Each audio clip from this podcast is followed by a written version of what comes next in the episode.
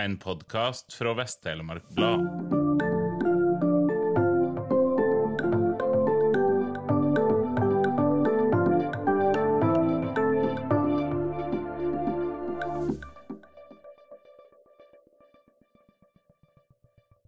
En mann i 30-åra ble funnet omkommen etter en brann på Flatin i Kviteseid søndag morgen. Det var tidlig på morgenen at politiet fikk melding om brannen. Etter at røykdykkerne først måtte avbryte søket da brannen tok seg kraftig opp, kom de seg inn på nytt i huset, og politiet meldte klokka 7.41 at det var gjort funn av én person. Klokka 9.43 meldte politiet at personen som ble funnet, en mann i 30-åra som bodde i huset, var død. De nærmeste pårørende er varsla om dødsfallet og får bistand av kommunens kriseteam. Politiet vil gjennomføre obduksjon av den omkomne.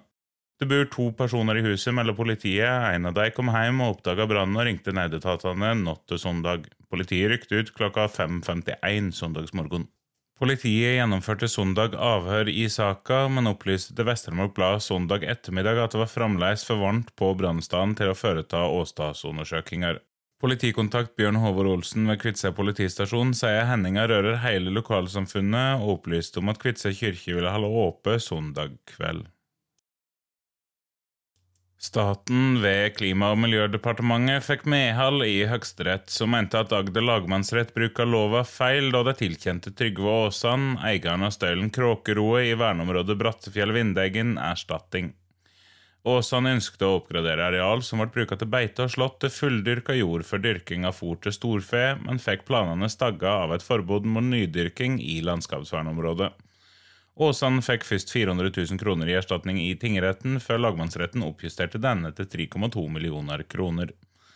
Kjerna i saken var om nydyrkinga på Kråkeroa var innafor definisjonen for igangværende bruk, et juridisk vilkår for erstatning.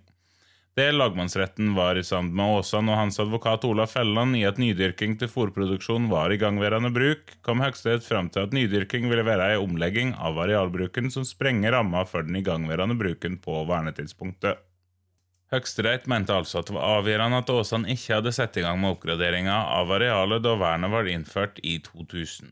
Men til Vest-Telemark Blad sier Åsan at Kråkerud i praksis var verna fra 1986, da han i perioden fram til år 2000 fikk flere brev både fra Fylkesmannen og Miljødepartementet der det tydelig oppmodet å ikke begynne på arbeidet før vernet tredde i kraft. Åsan har synt til Vest-Telemark Blad et brev fra Fylkesmannen som underbygger dette. Åsan forteller at han føler seg lura av staten både som grunneier og som næringsdrivende i området. Han mener jordbrukerne i verneområdet blir sett i en umulig skvis av regjeringa. På den ene sida krever staten at en skal effektivisere jordbruksdrifta hvert år for å kunne oppnå den inntektsveksten som blir lagt til grunn i jordbruksoppgjøret.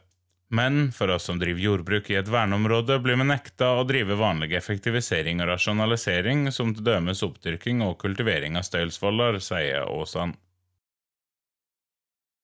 Forrige uke ble sykdommen lukka yngelråte påvist i en bigard i Kviteseid.